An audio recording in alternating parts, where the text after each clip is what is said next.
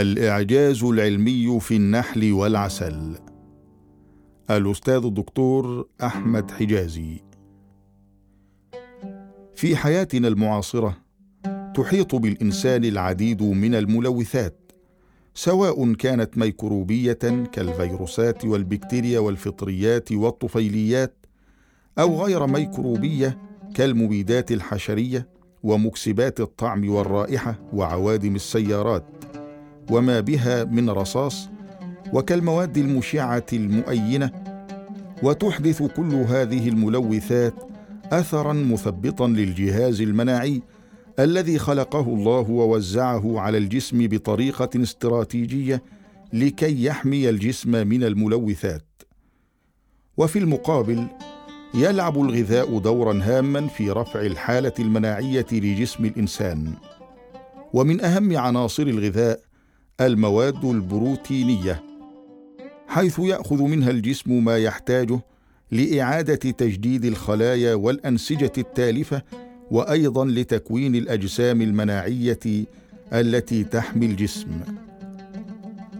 ويحتاج الجسم للعديد من المواد سواء كانت غذائية أو علاجية لزيادة كفاءته وفاعليته. وكلما كانت هذه المواد ذات منشأ طبيعي فإنها لا تحدث لجسم الكائن الحي إيه أضرار. ومن نعم الخالق علينا أنه خلق للإنسان مصادر طبيعية متعددة لكي يتناولها. وفي مقدمة هذه المواد عسل النحل ومنتجات النحل. ولقد كرم الله النحل دون سواه من الحشرات حيث خصص سورة باسمه في القرآن الكريم. قال تعالى وأوحى ربك إلى النحل أن اتخذي من الجبال بيوتا ومن الشجر ومما يعرشون.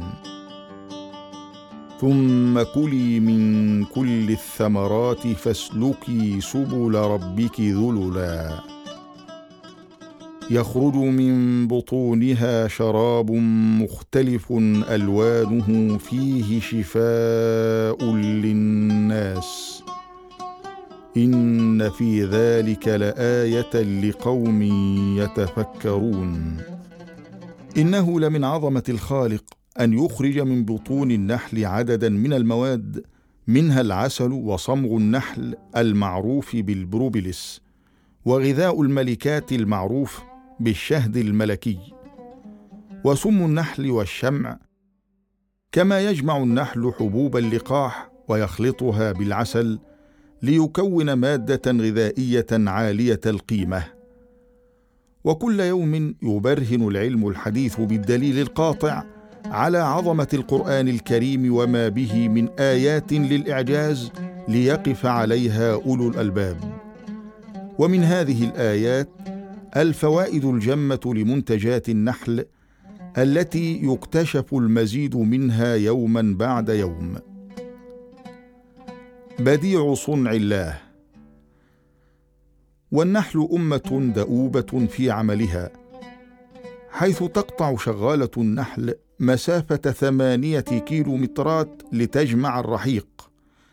ناهيك بما يحدث داخل الخلية من أعمال كثيرة من تربية لصغار النحل وتنظيف الخلية وحراسة وخلافة كما أن النحل طيب أكله حيث يجمع رحيق الأزهار والعصارات من الزهور وبراعم الأشجار.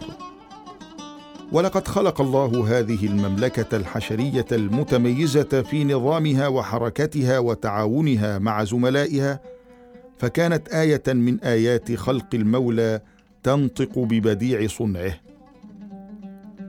فالنظام التعاوني الفريد والحركة الدائمة والدؤوب لأفراد هذه الأمة التي لا تعرف الكسل أو الملل من الدقة بمكان. إن الأعباء والمهام تتوزع فيه حسب قدرة كل فرد فيها فمنها ما هو مكلف بالدفاع ويستميت في تأدية واجبه في سبيل الوطن الذي يقطن فيه تلك هي طائفة نحل العسل التي كرمها المولى عز وجل. كما يمتاز هذا المجتمع بالنظام والنظافة التامة حيث لا يترك النحل في خليته أي أقذار أو أوساخ. وكل هذه التفاصيل تدعونا إلى أخذ النحل قدوة لنا فنصبح في عملنا كله نشاط وحيوية. كما يمتاز هذا المجتمع بالنظام والنظافة التامة حيث لا يترك النحل في خليته أي أقذار أو أوساخ. وكل هذه التفاصيل تدعونا إلى أخذ النحل قدوة لنا فنصبح في عملنا كتلة نشاط وحيوية لإسعاد أوطاننا. ولن يسعنا المقام في ذكر كل شيء عن النحل الذي كرمه الحق تبارك وتعالى. لذلك حثنا رسول الله صلى الله عليه وسلم على أن يتمثل المؤمن به حيث قال مثل المؤمن مثل النحلة إن أكلت أكلت طيبا وإن وضعت وضعت طيبا. رواه البيهقي. ولقد استخدم قدماء المصريين العسل ومنتجات النحل في العلاجات وأدوية التجميل كما استخدمها الكهنة في عمليات التحنيط وحفظ الجثث. ولن يسعنا المقام في ذكر كل شيء عن النحل الذي كرمه الحق تعالى. لذلك حثنا رسول الله صلى الله عليه وسلم على أن يتمثل المؤمن به حيث قال مثل المؤمن مثل النحلة. إن أكلت أكلت طيبا وإن وضعت وضعت طيبا. رواه البيهقي. ولقد استخدم قدماء المصريين العسل ومنتجات النحل في العلاجات وأدوات التجميل كما استخدمها الكهنة في عمليات التحنيط وحفظ الجثث. والعسل كمادة فعالة دوائية استجلاها العلم الحديث والطب فيما كان النبي صلى الله عليه وسلم سباقا إلى استخدام العسل سواء في العلاج أو حفظ الصحة. حيث كان النبي صلى الله عليه وسلم يشربه على الريق. وفي هذه السنة النبوية الحميدة فائدة عظيمة لما له من سر بديع لحفظ الصحة. رسول الله صلى الله عليه وسلم كان سباقا. ولعل ما تراه اليوم من مستحضرات للتجميل تحتوي تركيباتها على العسل وكذلك من أدوية تستخرج مكوناتها من خلية النحل وكذلك من أدوية تستخرج مكوناتها من خلية النحل وتسهم في رفع الحالة المناعية للجسم وزيادة القدرة على التركيز وإعادة الحيوية والشباب. لخير دليل على هذا البعد الاستباقي للنبي صلى الله عليه وسلم الذي أشار إلى فوائد العسل قبل أربعة عشر قرنا من الزمان.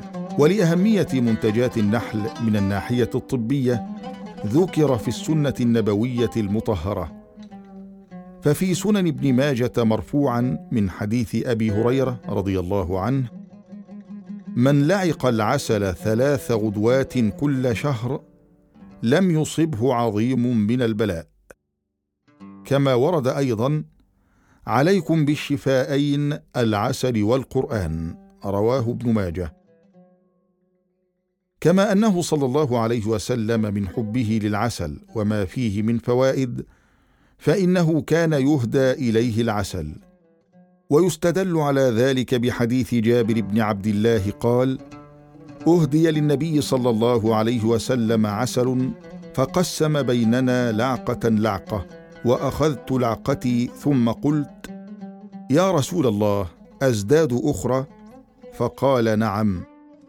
وكما ورد في الصحيحين عن عاصم بن عمر بن قتادة قال سمعت جابر بن عبد الله رضي الله عنهما قال سمعت النبي صلى الله عليه وسلم يقول إن كان في شيء من أدويتكم أو يكون في شيء من أدويتكم خير ففي شرطة محجم أو شربة عسل أو لذعة بنار توافق الداء.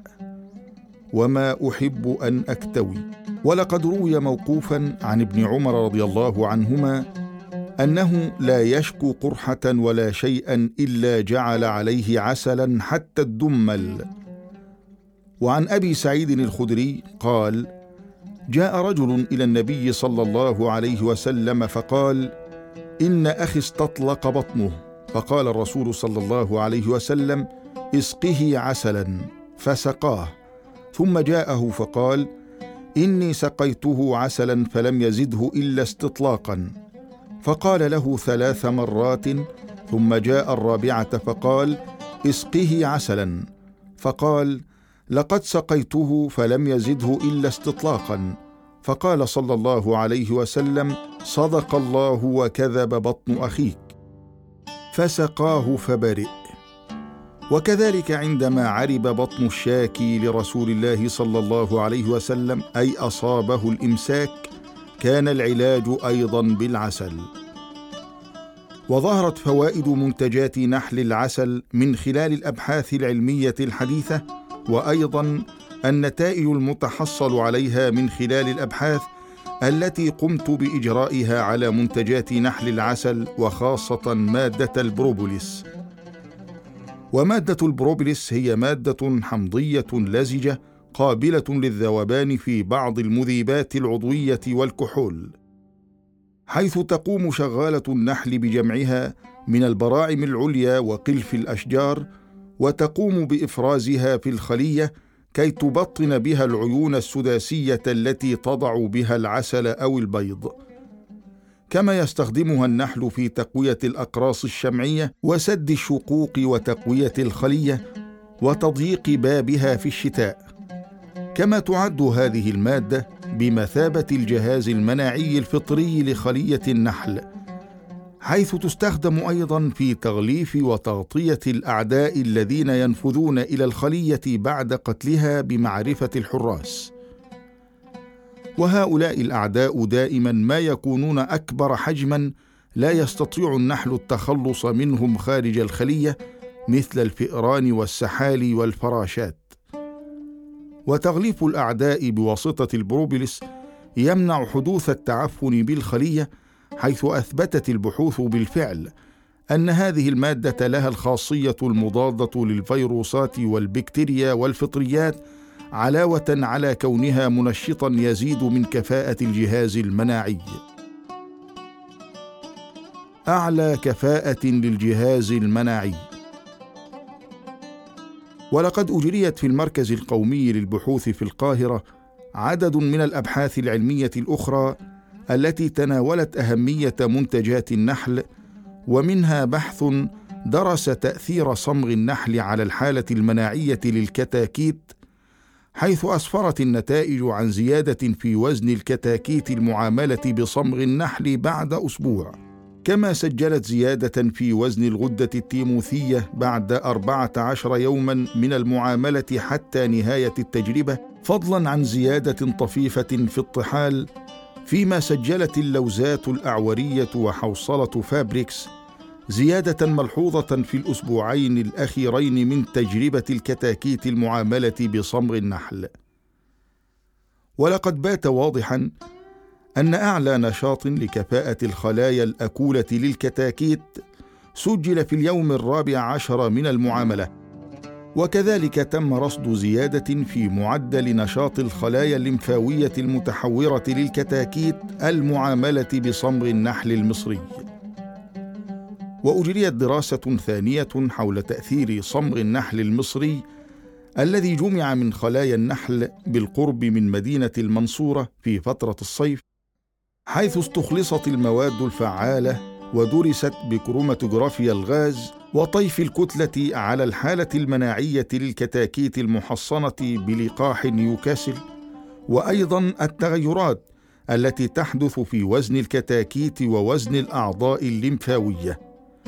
وأسفرت النتائج عن نتائج مشابهة للدراسة الأولى حيث أظهرت بوجه عام زيادة في وزن الكتاكيت المحصنة والمعاملة بصمغ النحل. ومن نتائج هاتين الدراستين يمكن القول بأن صمغ النحل المصري أظهر كفاءة لرفع الحالة المناعية للكتاكيت المحصنة بالنيوكاسل وأنه يمكن استخدام الصمغ كمنشط مناعي غير نوعي لرفع الحالة المناعية. وفي دراسة أخرى استهدفت معرفة تأثير صمغ النحل البروبلس على السلالات اللقاحية المختلفة لفيروس مرض نيوكاسل والفيروس الضاري فتبين أن إضافة صمغ النحل 300 ملي جرام في المليلتر بتخفيفات عشرية إلى فيروس النيوكاسل أدى إلى تناقص ملحوظ في المتوسط المعياري لإمكانية حدوث العدوى بعد حقنه في الأغشية الجثثية لأجنة البيض المخصب. كما استخدم اختبار التلزن المباشر على الشريحة لقياس تواجد الفيروس بالسائل الجنيني. وأسفرت النتائج أن واحدا إلى مئة من تركيز صمغ النحل قد أحدثت أقل جرعة مميتة لأجنة البيض مع أقل تغير للسائل الجنيني. وكان التأثير واضحا جدا في المتوسط المعياري لإمكانية حدوث العدوى على لقاحات لاسوتا وكولون سالب ثلاثين. وكذلك للفيروس الضاري وتقدم هذه النتائج معلومات جديدة عن نشاط البروبوليس كمادة مضادة لفيروس مرض نيوكاسل وتشير أيضا إلى أهمية هذا المنتج الطبيعي وإمكانية تطبيقه كعقار مضاد لفيروس مرض نيوكاسل مما يفتح مجالا لدراسة هذه المادة كمضاد فيروسي لعدد من الفيروسات الأخرى التي تصيب الإنسان. كما أن تأثير بعض منتجات النحل على الاستجابة المناعية للكتاكيت المصابة بفيروس النيوكاسل الضاري أظهرت نقصان معدل الوفيات في هذه الكتاكيت بعد معالجتها بصمغ النحل والعسل. أثر مخفض لمستوى السكر بالدم. وأهمية صمغ العسل كبيرة ومتعددة. فلقد درس تأثيره على الفئران الطبيعية والمعدلة وتحديدا على سكر الدم وجلوكوجين الكبد وأيضا كمضاد للبكتيريا. فتبين أن له اثرا مثبطا ومخفضا لمستوى السكر بالدم ولجلوكوجين الكبد. وإن كان محدودا مما يفتح بابا للأمل أمام مرضى السكر قد يتسع بمزيد من الدراسة والأبحاث. وتبينت أيضا فاعلية صمغ النحل كمضاد للفطريات حيث أثبتت التجارب كفاءة صمغ النحل في هذا المضمار. وإن تفاوتت تتفاوت تبعا لنوعية الفطر. ويتراوح أقل تركيز مثبط بين عشرة ملي جرامات على الملي لفطر ال Aspergillus flavus إلى 30 ملي جرام على الملي لفطر ال Aspergillus parasiticus. خلاصة القول إن للعسل منافع عظيمة ومتعددة. يجب ألا نغفل أنه جلاء للبصر ويعالج عددا من الأمراض التي تصيب العين. كما أنه إذا استن به يزيد من بياض الأسنان ويصقلها لما به من مواد فعالة ويحفظ صحة اللثة لما به من مضادات للبكتيريا وهو مزيل للآلام والالتهابات معالج للحروق ومحفز لالتئام الجروح. كما أنه مدر للطمث وتناوله على الريق يزيل البلغم. وتزداد فاعليته مع إضافة قليلة من عصير الليمون وأيضا يحدث العسل لينا فيدفع الفضلات من الأمعاء لما له من الخاصية الهيدروسكوبية. ومع شربه مع الماء يساعد في علاج قرحة المعدة لما به من مضادات للميكروبات.